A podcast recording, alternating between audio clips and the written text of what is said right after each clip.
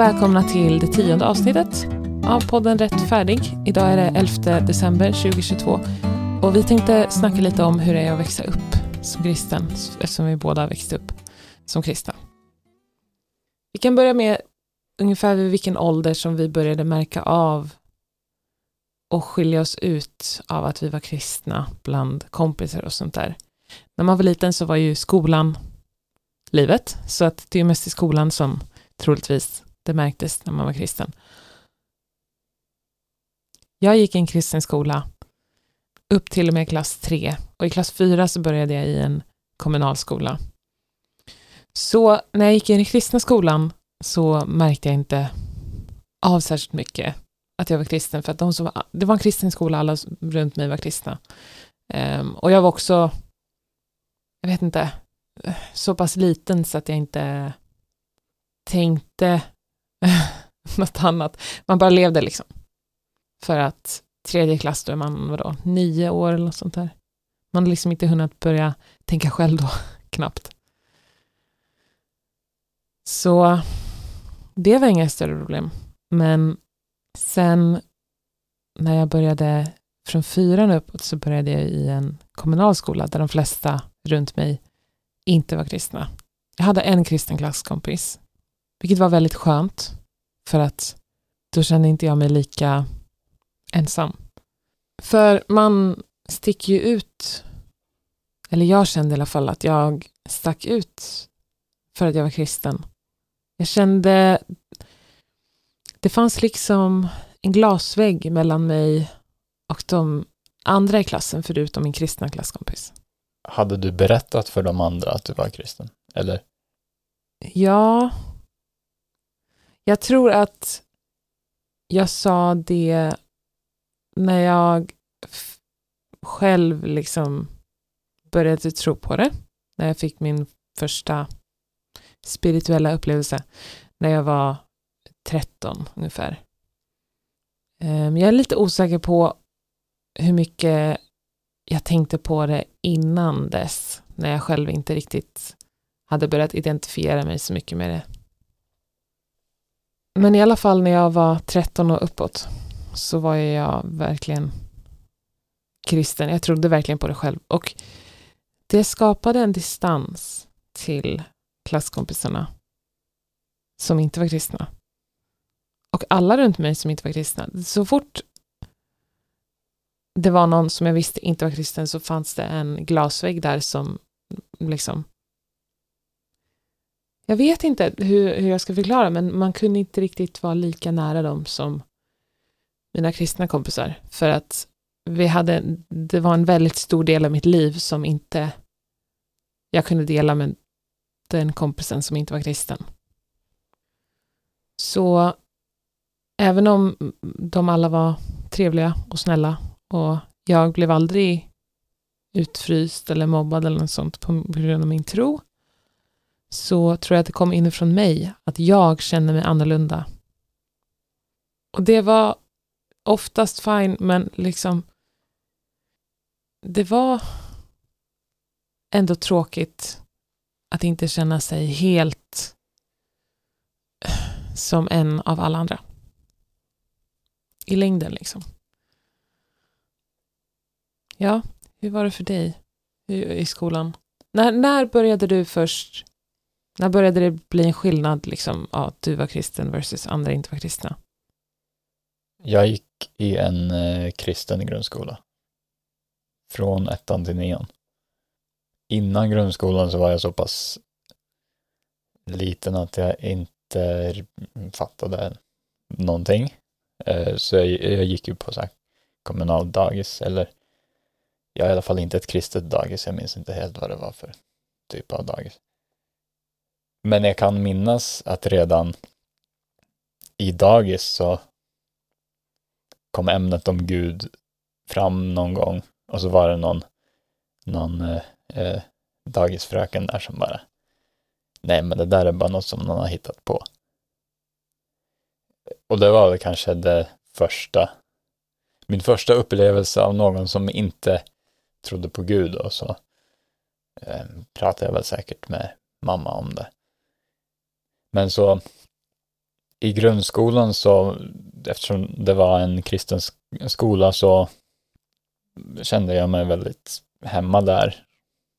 Alla elever var där, som var där var ju antingen kristna själva eller åtminstone hade kristna föräldrar så att alla var liksom i samma båt på något sätt. Men det märktes såklart med andra som jag mötte som, som inte var från skolan då. Till exempel min granne som jag inte hade jättemycket kontakt med, men ja. Kände du med honom då, den här glasväggen, att man kunde inte riktigt komma lika nära någon som inte var kristen som någon som var kristen? Jag kan förstå vad du menar, men inte från min interaktion med grannen, för jag blev inte särskilt nära med honom ändå. Men jag hade lite den, för jag läste tyska på en annan skola, på en kommunal skola, eftersom det var så få i min eh, klass som, som eh, hade valt tyska som språk.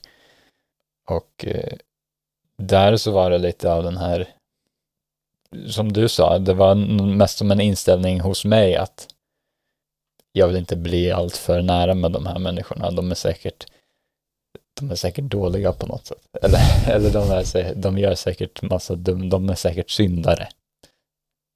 Mm. Men, men det var, jag är väldigt säker på att det var bara från min sida som, som det fanns liksom en sån.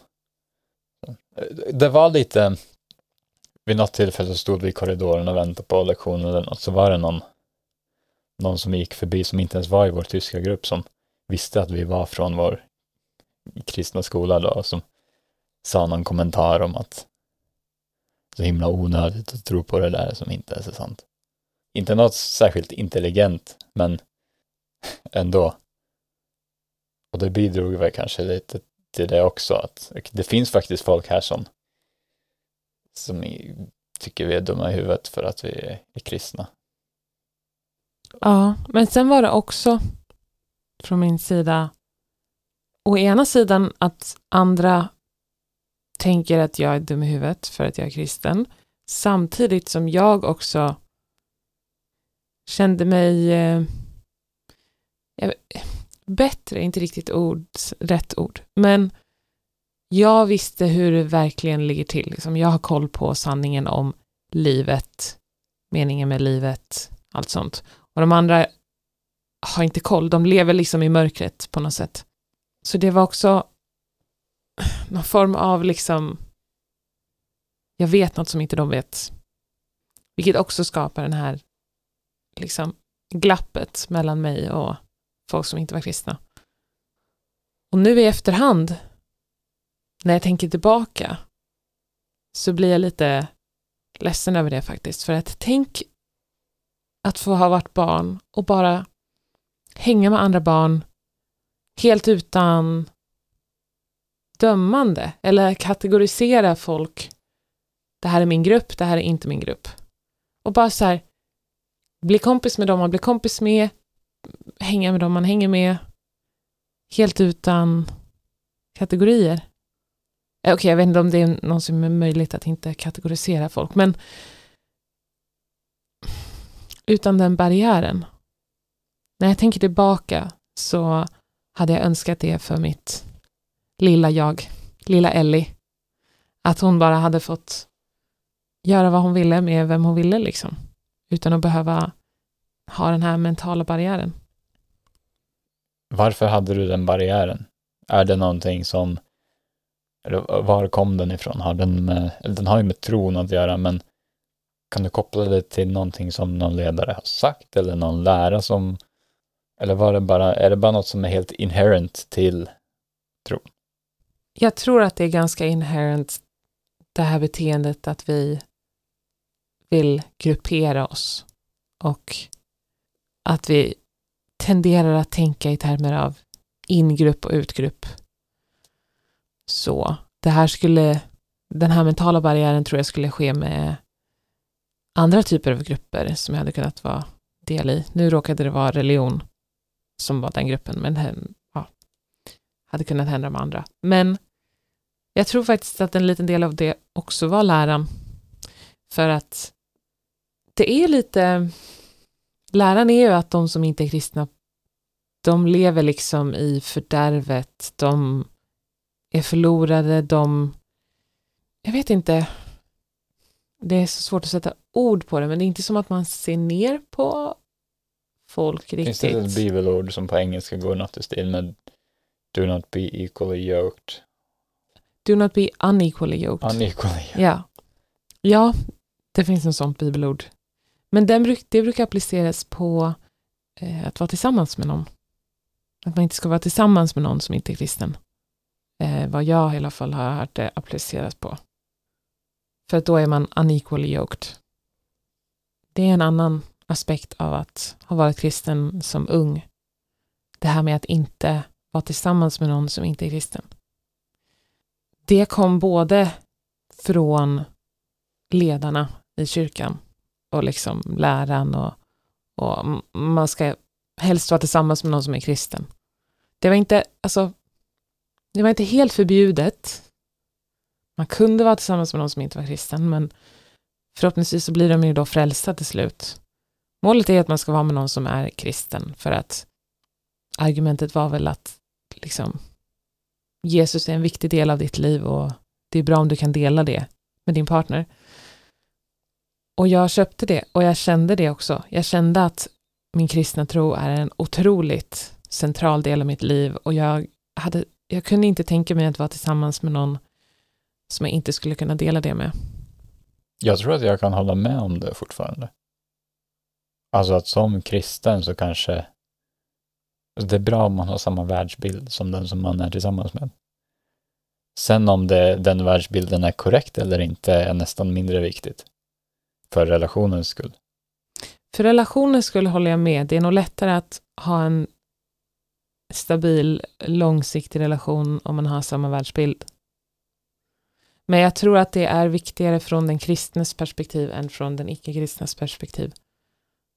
Gissar jag. För att för den kristna så är det otroligt viktigt med sin tro, medan för den icke-kristna så Alltså nu tänker jag någon som är agnostiker eller ateist, så är det nog inte så lika viktigt vad man tror på, utan mer hur man lever. Så jag köpte den här approachen helt och hållet. Men nu, när jag tänker tillbaka på lilla Ellie, så hade jag samma sak där. Önskat att jag bara hade kunnat vara fri att få utforska liksom relationer utan alla de här begränsningarna. Alltså det var så här crushes fram och tillbaka. Jag var kär i någon, någon var kär i mig och så, men som inte var kristna. Så därför så um, blev det aldrig, aldrig någonting av det. Men tänk att bara få vara fri och så här, om man är kär i någon så kan man fråga chans utan att det ska vara en barriär där. Bara friheten att få liksom experimentera. Det är synd. Det är någonting som jag faktiskt är ledsen över med att jag var kristen. Tänker du detsamma när det kommer till relationer med tjejer liksom? Nej, jag var så isolerad från den verkliga världen att alla som jag var kär i var väl kristna för att det var, jag gick i en kristen skola, jag, jag hängde i olika kyrkor och så. Det var först i gymnasiet egentligen som jag hamnade i den verkliga världen på något sätt. Ska vi gå över till gymnasiet? Innan vi går till gymnasiet så tänkte jag stanna lite på en grej som var när vi var i högstadiet. Harry Potter, världsfenomenet. Och eh, de med eh, frikyrkobakgrund vet att Harry Potter, oh, det är farligt. Det är demoniskt för att det är magi och sånt. Eh, vilket jag tycker är otroligt intressant och förvirrande för att fantasy, speciellt när det är magi i, har ju blivit väldigt eh, big no-no i frikyrkovärlden, i alla fall när vi var små. Men jag är så förvirrad över det för att en av de första liksom, moderna fantasyböckerna är Sagan om ringen, skriven av en kristen. Varför har fantasy blivit så demoniserat? Jag Ja, förstår jag- inte. Jag fick inte kolla på Sagan om ringen. Du fick inte ens kolla på Sagan om ringen. Det Nej. tycker jag, för det är ju en kristen författare. Varför? jag vet inte. Jag vet inte om mina föräldrar visste om att han var kristen och jag vet inte om det hade gjort någon skillnad för att han var ju katolik. Ah, inte riktigt kristen. oh. Alltså, den här katolik-protestant eh, glappet, eller liksom att de två grupperna inte tycker att de andra är riktiga kristna. Nu så här utifrån så känns ju det bara löjligt. Snälla någon, ni bägge tror att Jesus dog och uppstod igen, vad är problemet? Men, okej, okay, det var en side point. ja, jag fick inte läsa Harry Potter. Um, och jag ville verkligen läsa, alltså vi är precis i den åldern när rätt ålder för Harry Potter. Att vi var i precis target age när den kom ut och växte upp med den. För den blev mer och mer, det blev mer och mer eh, moget innehåll i böckerna i och med att karaktärerna växte upp. Samtidigt som läsarna också växte upp. Eh, så det var fantastiskt att få följa med det. För att jag gjorde det. för att jag fick inte läsa Harry Potter för mina föräldrar. Men jag gjorde det ändå. jag tror jag jag har för mig att jag lånade från skolbiblioteket eller det kan ha varit att jag lånade från mina kompisar som hade böckerna. På något sätt fick jag låna Harry Potter-böckerna och så läste jag dem på tåget till och från skolan. För att jag åkte, um, jag började från fyran framåt en skola inne i stan i Stockholm och jag bodde i en förort så det tog, tåget tog en halvtimme eller sånt där. Pendeltåget in varje dag till och från. Så då läste jag på tåget Harry Potter eh, och så hade jag den i väskan och mamma och pappa kollade liksom aldrig i min ryggsäck, så det var safe. Och sen så också på kvällen tror jag, när jag skulle sova, så, så här, stängde jag typ dörren eller om jag la mig under täcket och satte igång en lampa, jag kommer inte riktigt ihåg, men så smygläste jag Harry Potter. det var lite eh, det gav ju lite extra spice att jag, att eh, jag inte egentligen fick. Jag kände mig lite rebellisk. Men... Eh. Men när jag var typ sex år så, så försökte jag smygkolla på Pokémon. Oh, hur gick det? Men det var sex år, ja då var det inte så smart med att dölja det. För att man inte Nej, men det gick ju inte, tvn var ju i vardagsrummet. så vad hände? Nej, då, till slut så kom det någon och frågade, vad är det du kollar på? Nej, jag vet inte. Sant, det är sex år så det kan spela som om du inte har någon aning.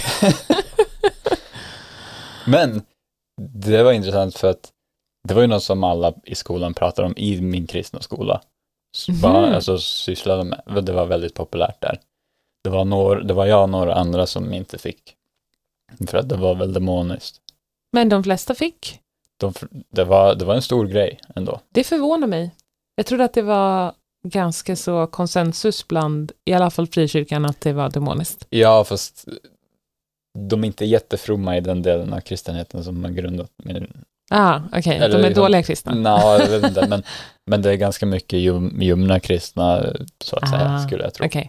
Men eh, jag skulle kanske kunna hålla med om att, att de är så här, att Pokémon är en predatory, eh, alltså kommersiellt predatory. kommersiellt predatory. Ja, något som marknadsför sig mot barn och sen försöker de sälja in massa produkter till barnen. Exakt. Mm.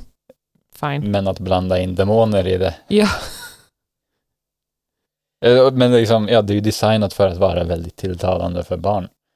Och, och det tolkades då som att det är demoniska andemakter som förför våra Nej, men jag tror att um, jag tror att det här demoniska kommer ifrån Pokémon, alltså de djuren eller vad det nu man ska säga, po Pokémon-arterna skulle vara um, baserade på någon form av så andliga väsen ja, från någon kultur. Så kan det också kanske. Um, ja, nej, jag fick inte kolla på Pokémon. Och det är någonting också som jag är ledsen över, inte jätteledsen, det är inte så att jag gråter mig tillsammans på kvällarna, men, men det här med att jag ville verkligen kolla på Pokémon och det var ju också en stor populär grej bland folk i vår ålder. Så att nu som gammal så är det massa sådana populärkulturella referenser till Pokémon som jag liksom inte förstår och som jag inte har och där jag inte kan vara med och liksom i gänget för att jag har inte de referenserna för att jag fick inte kolla på Pokémon. Och det är tråkigt och jag har, jag försökte faktiskt, jag kollade på typ första avsnittet eller någonting eh, nu som vuxen för kanske något år sedan eller någonting bara för att så här, se vad, vad det är för någonting men som vuxen så kan man inte kolla, det var inte alls kul. men jag tror jag hade gillat det som barn. Men nu är det för sent. Och det, det är så onödigt, liksom. Det är en barnshow. Det fanns ingen anledning att jag inte skulle kunna få se den. Så det är något jag är lite ledsen över att jag missade som barn. Låt oss prata om någonting som för mig gick både över grundskolan och gymnasiet. Nämligen kristna skolgrupper. För det är någonting som man bör vara delaktig i om man är en ordentlig kristen. Som ungdom. Kände jag i alla fall. Jag kände att jag borde och att jag ville. Men liksom väldigt mycket press av att vara med i en kristen skolgrupp och evangelisera i min skola och göra alla andra i min skola kristna. Frälsa alla mina klasskamrater. Vilket känns som en sjuk grej att lägga den pressen på barn att de ska gå och frälsa sina klasskompisar. I skolan, ska, man ska gå till skolan för att lära sig. Och för att bli, hänga med kompisar och, och lära sig vetenskap och språk och allt. Men vadå, vill, vill, du, vill, du att dina skolkamrater ska hamna i helvetet eller? Nej, jag vill ju inte det. Och det är precis det som man använder för att det är precis därifrån den här pressen kommer på kristna barn att frälsa sina klasskompisar för att annars så kommer de till helvetet. Då är det deras fel. Men det är liksom en existentiell press som inget barn ska behöva ha. Man ska bara få vara barn. Man ska inte behöva tänka på efterlivet av sina klasskompisar när man är liten, tycker jag. Där är ganska starka åsikter idag. Man ska bara få vara. Tänk att få ha gått i skolan och bara, bara gå i skolan, bara plugga, bara hänga. Och inte hela tiden behöva ha i åtanke så här, tänk om jag skulle kunna säga något om Jesus nu. Så att de blir frälsta och inte hamnar i helvetet. Jag eh, kände precis samma sak i gymnasiet. Och eh, vi hade en skolgrupp där och vi gjorde lite ineffektiv eh, evangelisation med, genom att dela ut kanelbullar och så. Och så, jag minns inte vilken klass det var, men, eller vilken årskurs det var, men på svenskan så skulle vi hålla tal om en valfri förebild. Och... Eh, du valde? Ja, vem annars än Jesus? För att det är ju det jag måste i princip välja som en god from kristen som har Jesus som sin största förebild. Och dessutom är det här en chans att berätta om Jesus för hela min klass. Yep. och eh, så jag skrev ett tal och eh, så kom dagen eh, då vi skulle hålla talet och jag var sjukt nervös. Och det var så här att det var ingen speciell turordning utan man fick gå upp när man ville liksom. Och jag vågade inte gå upp så det slutade med att jag var sist kvar. Och så gick jag fram och Eh, jag var helt jag var sjukt nervös och jag kände att jag var skakig i rösten. Så berättade jag om hur, hur Jesus är min förebild och att jag faktiskt tror på att han är Guds son. Och eh, jag, jag förklarade att det är framförallt på grund av eh, personliga andliga upplevelser som jag tror på Gud och Jesus. Och jag förtydligade också att jag tror inte på Gud som en bokstavlig skäggig gubbe som sitter på ett, på ett moln. För det var det jag tänkte att de tror att jag tror. Utan jag förklarade att det var liksom på ett mer eh, övernaturligt sätt. Ja, det var, det var ju otroligt stelt och jobbigt för mig och antagligen också för alla som var tvungna att eh, lyssna, på, lyssna på det där. Jag visste ju själv hur tokigt det här låter för alla. De flesta, jag, jag tror att det var kanske ett par år in på gymnasiet. Jag tror inte att någon hade någon aning om att jag var kristen innan det. Så det var nog en stor chock för många. Okej. Okay. Wow, ja det är en introduktion till att jag är kristen. ja. Efter det så, det var liksom, ja, läraren frågade så här, var det, var det medvetet att du gjorde det här sist av alla? Liksom? Hon frågade det inför klassen. Nej, det var blöt. Eh, så det var det som hängde kvar i luften då efter, efter lektionen. Mm. Vad blev det för reaktioner då? Väldigt lite faktiskt. Jag tror folk bara tyckte det var awkward. jag hörde inte så mycket kommentarer. Det var kanske någon liten kommentar någonstans.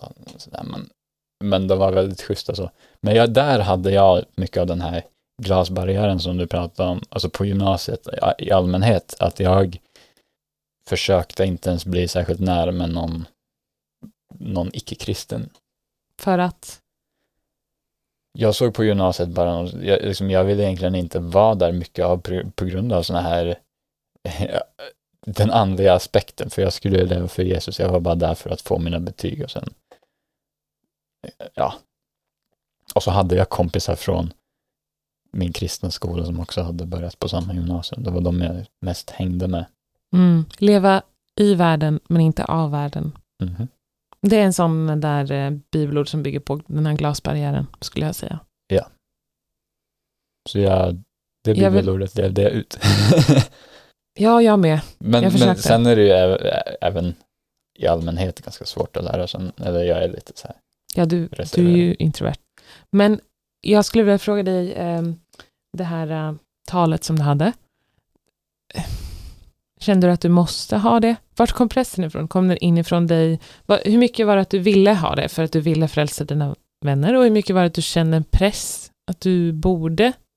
Det var ju ingen person som konkret sa att jag skulle göra det här. Det var någonting som jag skulle säga kom inifrån mig. M mitt samvete krävde det. Det skulle vara nästan som att jag som att jag skulle ljuga om jag hade pratat om någon annan förebild. Det var Jesus som var den största förebilden. Mm, okej. Okay. Det hade känts som en undanflykt att välja någonting annat. Och så undrar jag hur det känns nu för dig, nu när du tänker tillbaka på Mini-Janni, liksom, som stod där och höll sitt tal. Vad känner du nu? Det känns som ganska onödigt. Jag vet inte. Han borde inte ha behövt göra det. Eller? Nej, det är lite svårt för att å ena sidan så det är en av de liksom pinsammaste saker jag har gjort antagligen. Mm. eh, men samtidigt så var det ju någonting där jag verkligen stod upp för något som jag tror på. Mm. Det tycker eh. jag är starkt. Det var starkt att du gjorde det här, att du vågade. Du går ju sjukt mycket emot att göra något sånt här. Ja, alltså jag kan tänka mig att det, det kan uppstå sådana situationer oberoende av religion där man, man tror på någonting väldigt starkt som går emot strömmen och då offentligt stå upp för det. Jag är på ett sätt glad att ha prövat på det. Mm. Men det känns ju lite tråkigt att det var någonting som jag nu inte tror ens var sant. Eller att jag, alltså, att jag hade fel. För om man går emot strömmen då bör man veta, då bör man vara väldigt säker. Och jag var väldigt säker då. Ja, alltså ju mer offentligt man har stått upp och deklarerat någonting så blir det ju svårare att sen säga nej förresten, jag har ändrat mig. Mm. Jag kan tillägga att efter den här upplevelsen, det var så pass jobbig att jag gjorde inga fler försök att evangelisera för någon efter det, Hmm. som jag kan minnas. Jag bara, jag, nu har jag gjort mitt jobb som kristen. Här, jag, nu glider jag bara typ. Kände du ingen press att evangelisera fortfarande efter det? Jag kände alltid en press att jag borde alltid när jag var med icke-kristna berätta om Jesus. Jag hade alltid det i bakhuvudet. Liksom. Jo, visst. Ehm, Men nu visste jag också hur det känns för mig att göra det och Det var inte kul. Värt, det var inte värt det. ja. När jag var som mest liksom, intensivt kristen, eller brinnande kristen som man säger, så hade jag tyckt att det där var någonting att se upp till. Det som du gjorde, att hålla ett tal. Och jag hade, jag vågade aldrig hålla ett sånt tal. Jag hade ju kunnat, det fanns säkert flera tillfällen då jag hade kunnat hålla ett tal om Jesus, där vi skulle hålla ett tal i svenskan, och så fick vi välja något ämne, så hade jag säkert kunnat få in Jesus som att jag kunde prata om honom. Men jag var för feg. Jag gjorde aldrig något sånt. Så i den åldern så hade jag varit avundsjuk på dig, eller jag, liksom, jag hade sett upp till dig för att du vågade faktiskt. Och det tycker jag fortfarande nu, att det, det här som du sa, att, att nu vet du i alla fall att du kan stå upp för någonting som du verkligen tror på. Jag tycker du ska vara stolt över det, att du gjorde det. Men samtidigt, nu när vi inte längre tror att det är sant så är det så här, ja det var ju onödigt mot stackars lilla Janni att han behövde göra den där sjukt jobbiga grejen när det inte ens var sant liksom. Mm. Jag är glad nu, så här, när jag inte är kristen, att jag aldrig frälste någon. Faktiskt. För det hade känts, det hade nog hängt på mitt samvete tror jag. Om någon av mina kompisar hade blivit kristen på grund av mig och fortfarande var kristen liksom. Så det är jag glad för nu. Jag hade en, en bekant som han gick i den kristna skolan med mig, men sen på gymnasiet så ha- avsa han sig sin tro. Och jag var ju förtvivlad över det. Så jag försökte dra med honom till kyrkan. Och nu känns det så här, ja. Känns det han, han, tog jobbigt? det, han tog det bra. Han, han, liksom, han Ja. visste ju liksom, Han hade varit där själv på andra sidan. jag vet inte hur kristen han var, men han visste hur kristendomen funkar. Ja, alltså om någon skulle, av någon av mina kristna kompisar nu skulle försöka få med mig till kyrkan så skulle inte jag ta illa upp. Jag förstår ju vad det är de tänker. De vill ju bara det bästa för mig. Så ja, om man har varit kristen en gång så fast det är väldigt olika. Jag vet att den, det, det är definitivt folk som har varit kristna som inte skulle bli så glada eller som skulle känna att det var väldigt jobbigt. Så att det varierar hur man skulle reagera, tror jag. Ska vi eh, nöja oss där? Jag har idag. inget mer att säga. Nej, jag tror inte heller jag har något mer att säga. Summan av kardemumman är väl att eh, vissa saker och vissa relationer med, med, med kompisar blev lidande på grund av tron. Och det är lite tråkigt nu så här i efterhand. Men jag vet inte hur mycket det påverkar oss idag. Liksom.